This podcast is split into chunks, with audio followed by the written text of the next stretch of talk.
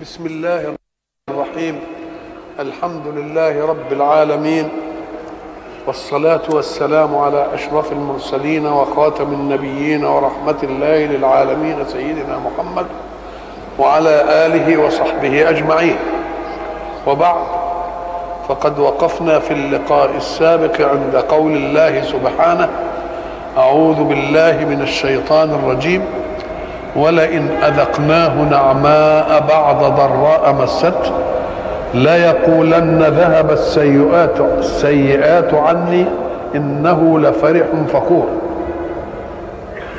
وقلنا إن هذه هي الحالة الثانية التي حكاها الله عن المعاندين لرسول الله بالكفر. وقلنا إن الإنسان إذا ما جاء فيطلق على أفراده كلهم ما دام هناك استثناء منه. فقول الله بعد ذلك إلا الذين صبروا وعملوا الصالحات ما دام استثناء يبقى لولا هذا الاستثناء الاستثناء لكان الكل داخلا في الحكم.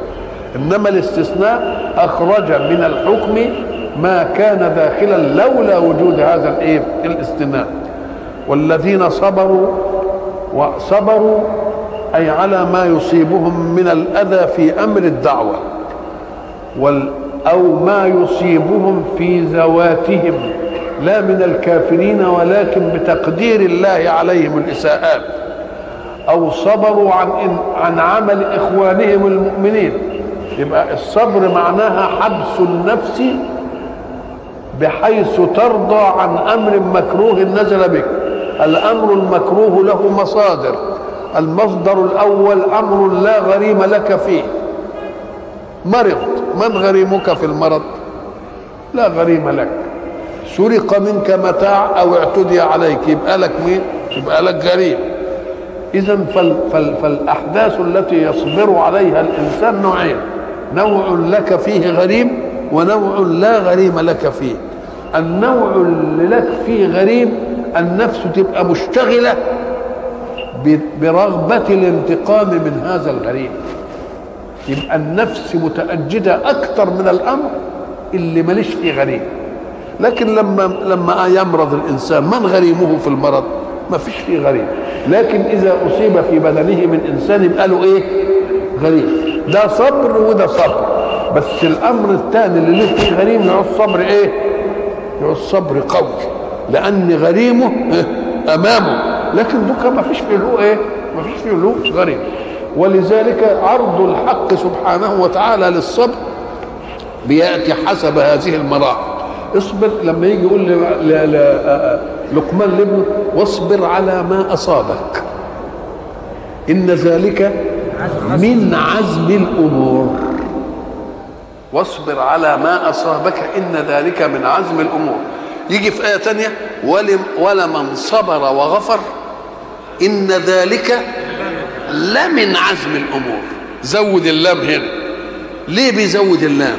ده بده يؤكد الحكاية دي عايزة عزم عايزة قوة. ليه؟ لأن في غريم يهجني ساعة ما أشوف اللي ضربني أو اللي عمل فيا كذا بدي أنتقم إيه؟ يبقى دي عايزة إيه؟ عايزة صبر قوي وعزيمة. والذي يدل على ذلك أن هناك واصبر على ما أصابك ما فيهاش مغفرة. لأن ماليش غريب. إنما واصبر إنما هنا ولا من صبر وغفر. إن ذلك يبقى غفر يبقى معناها بقى له إيه؟ غريب. يبقى المستثنى الصابرون على ألوانهم الإيه؟ على ألوانهم الشتى. إلا الذين صبروا وعملوا الصالحات. ما دام صبر يبقى في إيذاء. إياك أن يكون الإيذاء من خصمك في الإيمان. أو من خصمك فيما دون الإيمان. صارفا لك عن نشاطك في الطاعة. الصبر معناه إيه؟ إنك أنت إنما إذا كان الصبر هيخليك تقعد تكبر وتحزن وتعمل كده؟ لا يا أخويا فك نفسك شوية. علشان تعمل إيه؟ عشان تنفس عن نفسك. إنما إن فضلت بغلك وحقدك لا نقول لك لا الله أباح لك أن تعتدي على الإنسان بمثل ما إيه؟ بمثل ما اعتدى عليه. ليه؟ لأنه مش عايزك تقعد تغلي. عايز طاقاتك تتفرغ للعمل. ولذلك المراحل ما فيهاش إلزام. يحكم الله في القضية بحكم العدل. من اعتدى عليكم فاعتدوا عليه بمثل ما اعتدى عليه. طبعا قوي وبعدين؟ أم قال لك والكاظمين الغيظ. بقت منزلة اهي والعافين عن الناس. بقت منزلة تانية. معنى كظم الغيظ إن الغيظ موجود بس ما بيتحركش إلى نزوع. ما بيتحركش إلى إيه؟ إلى نزوع. زي ما تقول أنا كظمت القربة يعني إيه؟ لو سبتها المية إيه؟ المية تفلت منها. يبقى الغيظ من النفس موجود وأنت إيه؟ كذبه حيشه يبقى الممنوع اللي أنت عملته قدرت على نفسك إنك أنت ما عملتش عمل إيجابي. إنما لسه إيه؟ طب والعافين؟ ادي المرحلة الإيه؟ الثانية. أن تخرج الغيظ من القلب. وتبقى المسألة يبقى كم مرحلة؟ تعتدي. بس لاحظ بمثله والمثلية أمر لا يمكن أن يحقق. طب واحد ضربني قلم. طب بالله أنا عايز أضربه قلم. طب المثلية تتحقق فيه إزاي؟ ها؟ يمكن أزيد. إحنا نتكلم في الأزيد. وقال لك بالمثل. فإن كانت أزيد أبقى, أبقى أنا ظالم في الأزيد ولا لا؟ أبقى أنا انتقلت من معتدى علي إلى معتدي؟ تقول لك وبعدين ما دام أنا مش ضابط المثل إيه واللي هيدخلني في الإيه؟ في المتاهة دي يعني انت عارف الراجل المرابي؟ راجل البندقيه ظن ولا هو إيه؟ آه لما جه وخد قال له انت اخرت عن سداد الدين في يوم كذا فلي من جسدك رطل من اللحم خلاص؟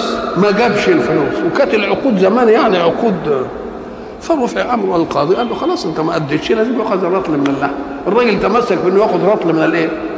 يأخذ رطلا من اللحم فالقاضي كان لبق ولأنه ما عندوش هوى وبده يحكم في المسألة حكم صح؟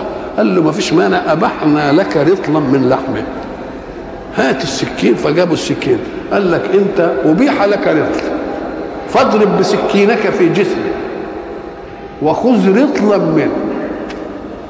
إن نقص نكمله منك وإن زاد ناخده منك. طب قول لي بقى يمسك السكينة عشان ياخد رطل دي إزاي بقى؟ تيجي إزاي دي إن شاء الله؟ ده الجزار اللي طول عمره عمال إيه؟ يقطع بإيده ويوزن ده مسألة كانت لازم تبقى ميكانيكا. ومع ذلك برضه يجيب فتفوته لا يشيل فتفوته يحط مش عارف إيه وحاطط فتافيت في ريحه كده على قدر مش عارف وياخد يحط دي كده. الله. فقال لك أنا يا عم لا أنا عايز الرطل ولا أنا عايز إيه؟ يبقى اللي منعه إيه؟ كلمة بمثل كلمة بمثل فإذا كان التقى شوية يقول له يا شيخ أنا بقول إن صحيح الإصابة بتاعتك أو زعلك دي حاجة في القلب وما حدش يقدر يزعزعها منك آه بس ما تنفعلش. اكظم غيظك. أدي واحدة. وإن حبيت بقى تاخد منزلة تانية كده آه اعفي وطلعها منين؟ طلعها من قلبك. وإن كنت بقى عايز تاخد المنزلة العالية كده الله يحب الإيه؟ الله. بقى الإيمان والدين ومنهج الله و و و ورفق الله بخلقه يقوم يجعل المعتدى عليه هو اللي يحسن. إيه إيه النقل ده؟ ده نقل طباع. نقل طباع. إيه اللي يقدر عليها مين؟ الله ومنهجه بعد ما يكون كذا يقول له إيه أحسن.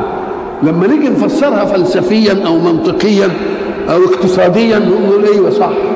ده كلام صح تمام وأحب المحسنين ليه؟ أم قال لك لأن الحق سبحانه وتعالى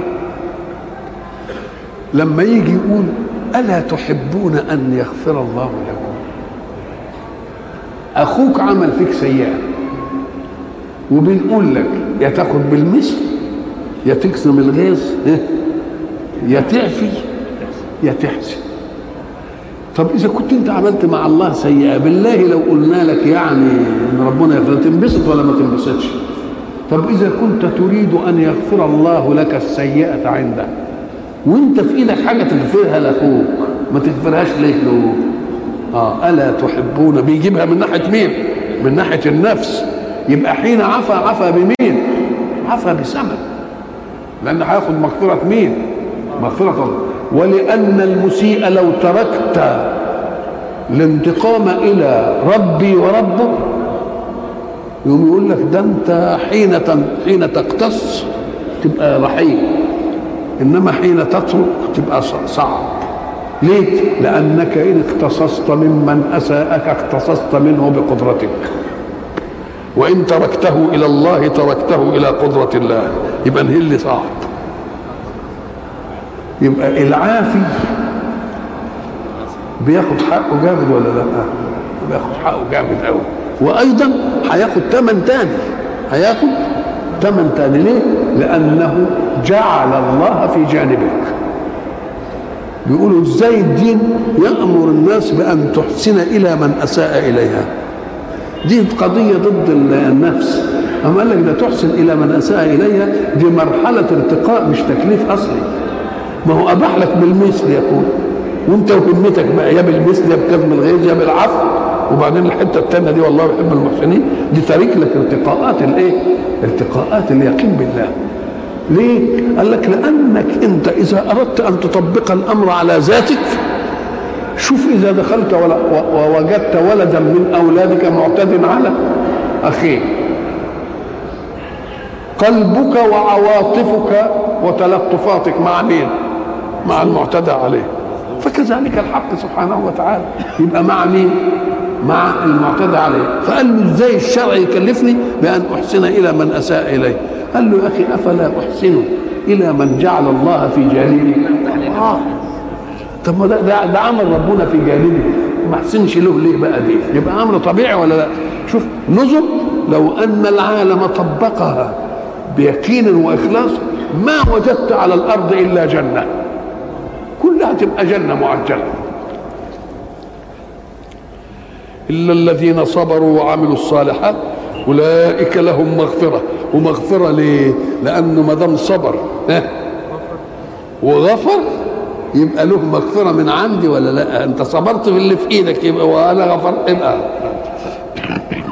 مغفرة ويزيد إيه كمان؟ ويزيد أجر كبير. فلعلك تارك بعض ما يوحى إليك وضائق به صدرك أن يقولوا لولا أنزل عليه كنز أو جاء معه ملك إنما أنت نذير والله على كل شيء وكيل. ساعة ما يكون لك ابن كده وبعد ذلك تريد إنك أنت تديله نصيحة في قالب الرجاء. الواد بيلعب شوية. تقول له لعلك سرك أن يرسم فلان؟ لعلك سرك أن يرسم فلان؟ الذي أهمل يعني. يبقى لما أنت تقول له كده يبقى فحوى الخطاب إيه؟ يعني لا تهمل. لا إيه؟ لا تهمل. لعلك س... انت اظن انت انبسطت من اللي حصل للواد الفلاني. يبقى معناها إيه؟ اوعى تعمل اللي عمله ده. يبقى هو إيه؟ استفهام في معرض النهي. استفهام في إيه؟ في معرض النهي. واستفهام ممن يرجوك. وربك هو الذي يرجوك. ربك اللي بعتك هو اللي بيقول لك كده. فلعلك تارك بعض ما يوحى إليك. معناها إيه؟ لا تترك ما يوحى إليك. ولا يحزنك موقفهم منك وتعنتهم. ما يأخذكش الضيق كده وبعدين تقول ده أولاد كلب ما بلغهم لا بلغهم لأن ال ال الإلزام هيبقى بالإيه؟ بالإبلاغ. ما هو لما يجي يلاقيهم كده وكده وكده وكده وكنا فرين كل ما يقول لهم كلام ينفذوه يقول بلاش أقول لهم دي بقى نقول له لا. ده ده الحجة في الابلاغ الحجة في الابلاغ اوعى إياك أن يضيق صدرك بموقفهم منك. فإن الحجة منك هي الحجة عليهم هي ابلاغك أما إن تركنا شوية أي حاجة يبقى يقدر يقول ما بلغتناش دي. فإياك أن يكون موقفهم منك سببا لضيق صدرك. فتترك شيئا أمرك الله بإبلاغه لأن الحجة في الإيه؟ في الابلاغ فلعلك تارك بعض ما يوحى إليك. كلمة بعض ما يوحى إليك أكن بيقول له أنت مش هتترك الكل. يبقى الشيء اللي إيه؟ اللي ينرفزهم ويتعبهم عشان ما تجيبش لنفسك المتاع. طب إيه السبب؟ أنا ليه؟ قال لك ما هم بيتعنتوا وياك ويخرجونك عن مقامك الذي تلح دائما فيه. أنت بتقول أنا بشر أنا بشر أنا بشر أنا بشر أنا بشر. فكان المفروض فيه أن تكون مطلوباتهم منك على مقدار ما أقررت على نفسك. أنت ما قلتش إنك إله. علشان يقعدوا يطلبوا منك آيات ويقول لك هاتها وهاتها أنت قلت. فما دام أنت مبلغ إياك أن يضيق صدرك فلا تبلغ لهم شيء لأن البلاغ ده هو الحجة على مين؟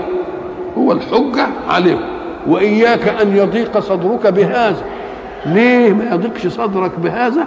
لأنك لو ضاق صدرك بهذا أنقصت البلاغ الذي كل ما بلغوا بآية وبعدين يقدموا بقى ربنا يزيد عليهم إيه؟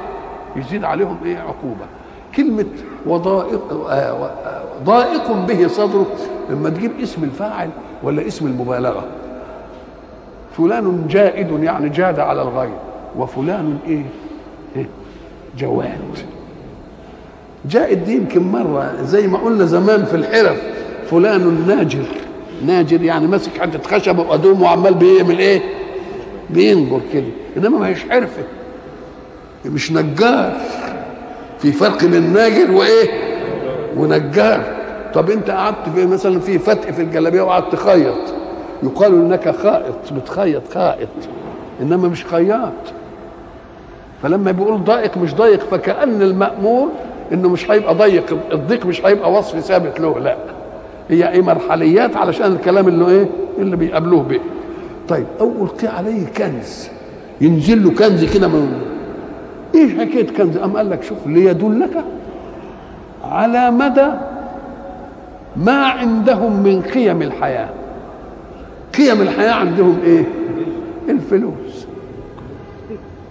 ولذلك حبوا يصرفوا العملية بتاعت الوحي للقيم على الناس الاثرياء وقالوا لولا نزل هذا القرآن على رجل من القريتين عظيم. الله. اذا المسألة مش القرآن بقى المسألة اللي نزل عليه القرآن. يبقى مسألة ألقيا كنز دي أكن كان يقول لك يا أخي بدل ما يقعد يتعب نفسه ويتعبنا ما يجي له كنز كده ويقعد هو وأهله ها؟ وهو عايز فلوس. طب ده أنتوا قلتوا له نجيب لك فلوس. أنتوا قلتوا له نعمل لك كذا ما رضيش. ما رضيش بهذا. يبقى مسألة كنز دي مش واردة عنده. لو لو لولا أنزل عليه والكنز هو ال ال الكنز هو الشيء المجتمع. إن كان لحم يقول لك ده هذا الشيء مكتنز لحما. مكتنز إيه؟ يعني يعني مجتمع فيه الإيه؟ فيه اللحم. لكن أطلق على على الشيء الذي يكون ثمنا للغير اللي هو الذهب. ولذلك قال يكنزون الذهب والفضة. لأن فيه فرق في الرزق بين رزق مباشر ورزق غير مباشر. الرزق المباشر هو ما تنتفع به أنت. لقمة بتاكلها شربة مية شوية نفس ده رزق إيه؟ مباشر. في شيء يجيب الرزق المباشر إنما هو ما يغنيش عن الرزق المباشر. وإحنا قلنا زمان لو أن إنسانا في صحراء وبعد ذلك معاه قناطير مقنطرة من الذهب. تعمل له إيه الذهب ما يعملوش الذهب. لو واحد عرض عليه رغيف عيش بكل هذه يرضى ولا لا؟ تبقى أنا ما بقيمش الرغيف بقنطار الذهب. لا. ده التقييم إن إن قنطار الذهب ولا الحياة. يبقى ادي التقييم مش التقييم إن قنطار ورغيف لا. قول له الرغيف في وقته يساوي الإيه؟ يساوي القنطار فكنز معناه نقد من الذهب أو الفضة مجتمع. مجتمع ده بتؤدي حق الله فيه ولا ما تؤديش؟ أنت عارف حكاية تحت البلاطة؟ أهي الفلوس اللي تحت البلاطة دي. هي دي اللي تسمى إيه؟ كنز. لكن إذا أدي حق الله فيها لا تعتبر كنزا لأن الشرط في الكنز إنه يبقى مخفي إنه يبقى إيه؟ وما دام بتؤدي حق الله فيها بتطلع زكي يبقى الناس اللي في الحارة عارفين إن عندك إيه؟ إن عندك فلوس يبقى ما أخفتوش. يبقى الكنز لا يقال إلا للشيء المجتمع وممنوع منه حق الله. فإن أدي حق الله فقد رفعت عنه الكنزية. رفعت عنه الإيه؟ ولا, ولا الذين يكنزون الذهب والفضة ولا ينفقونها في إيه؟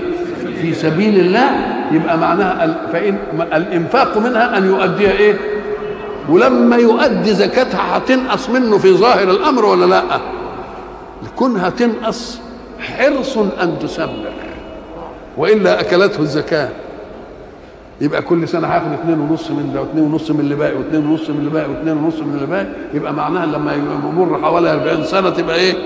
تبقى انتهت تقوم تفكر تعمل إيه؟ تقول بدل ما تاكلوا الزكاة نعمل إيه؟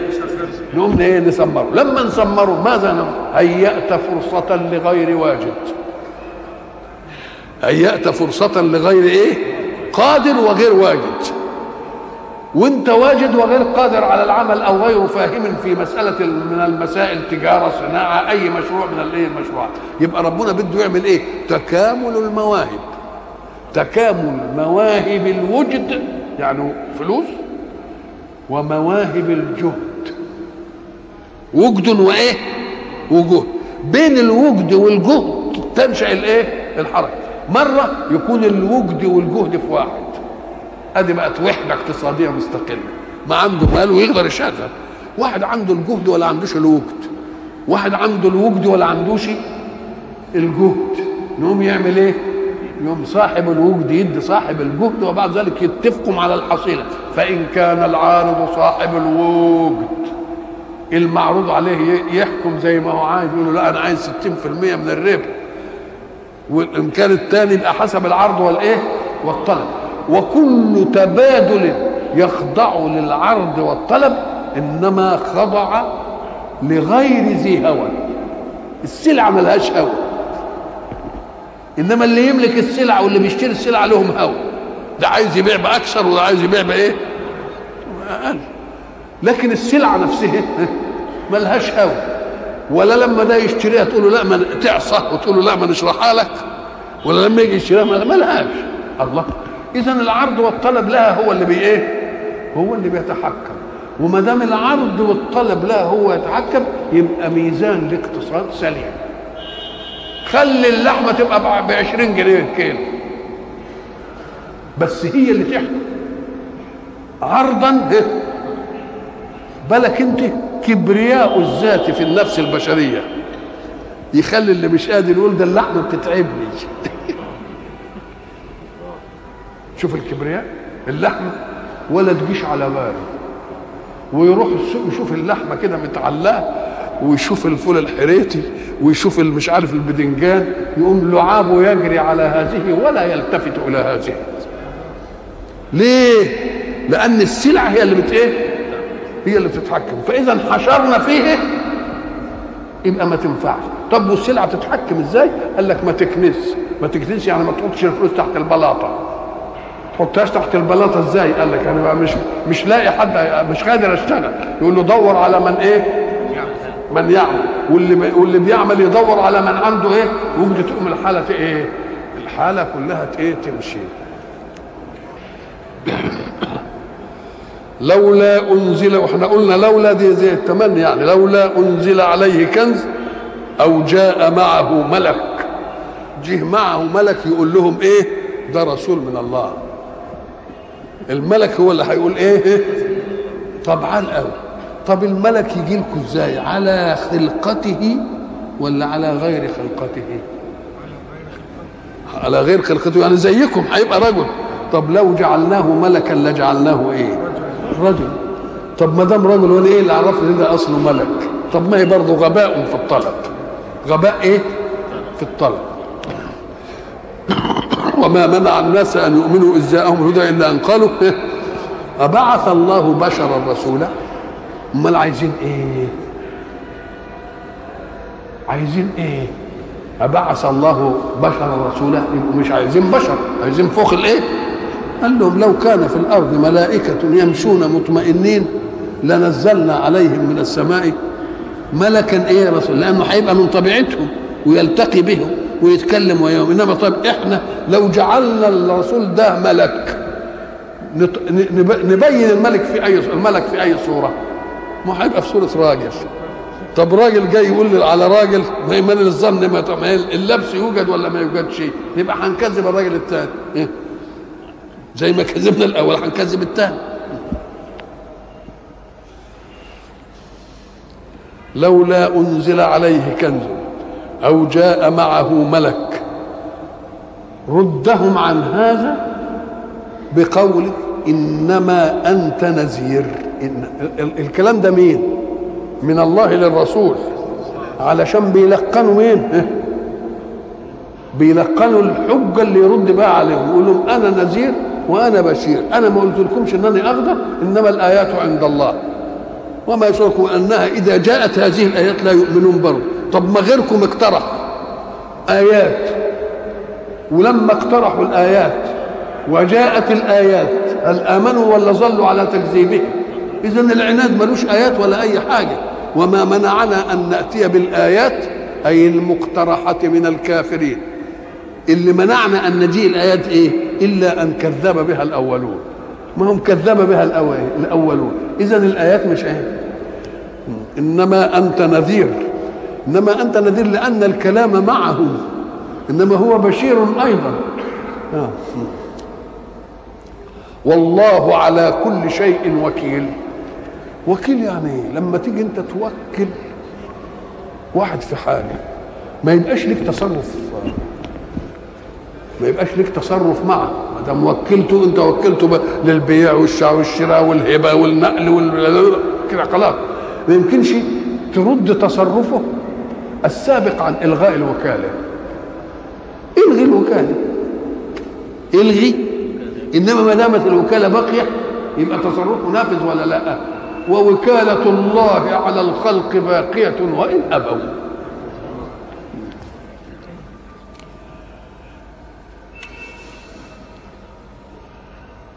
أم يقولون افتراه؟ بل الحكاية بقى داخلة في دور تاني داخلة في الافتراء. افترى الافتراء لون من الكذب. إنما الكذب قسمين. قسم متعمد أنت تعرف الحقيقة فتخالفها وقسم كذبت فيه ما تعمدتش. لك صديق مثلا وتعرف بيته وتعرف إنه له أوضة كده ما بتنقش إلا لما بيكون موجود مثلا. وبعدين بيسألوا عنه جه ولا ما جاش قلت لا ده جه بناء على إنك لقيت أوضته إيه, إيه؟ مثلا من آدة ولا بتاع. إنما يجوز يكون بحد بيعمل حاجة. فأنت كذبت انما مش متعمد صحيح كلامك غير موافق للواقع. إنما أتعمدته أم لم تتعمده يبقى فيه فرق. بين كذب الخبر وكذب المخبر. كذب الخبر إنه ما يوافقش الواقع الخبر كاذب إنما المخبر.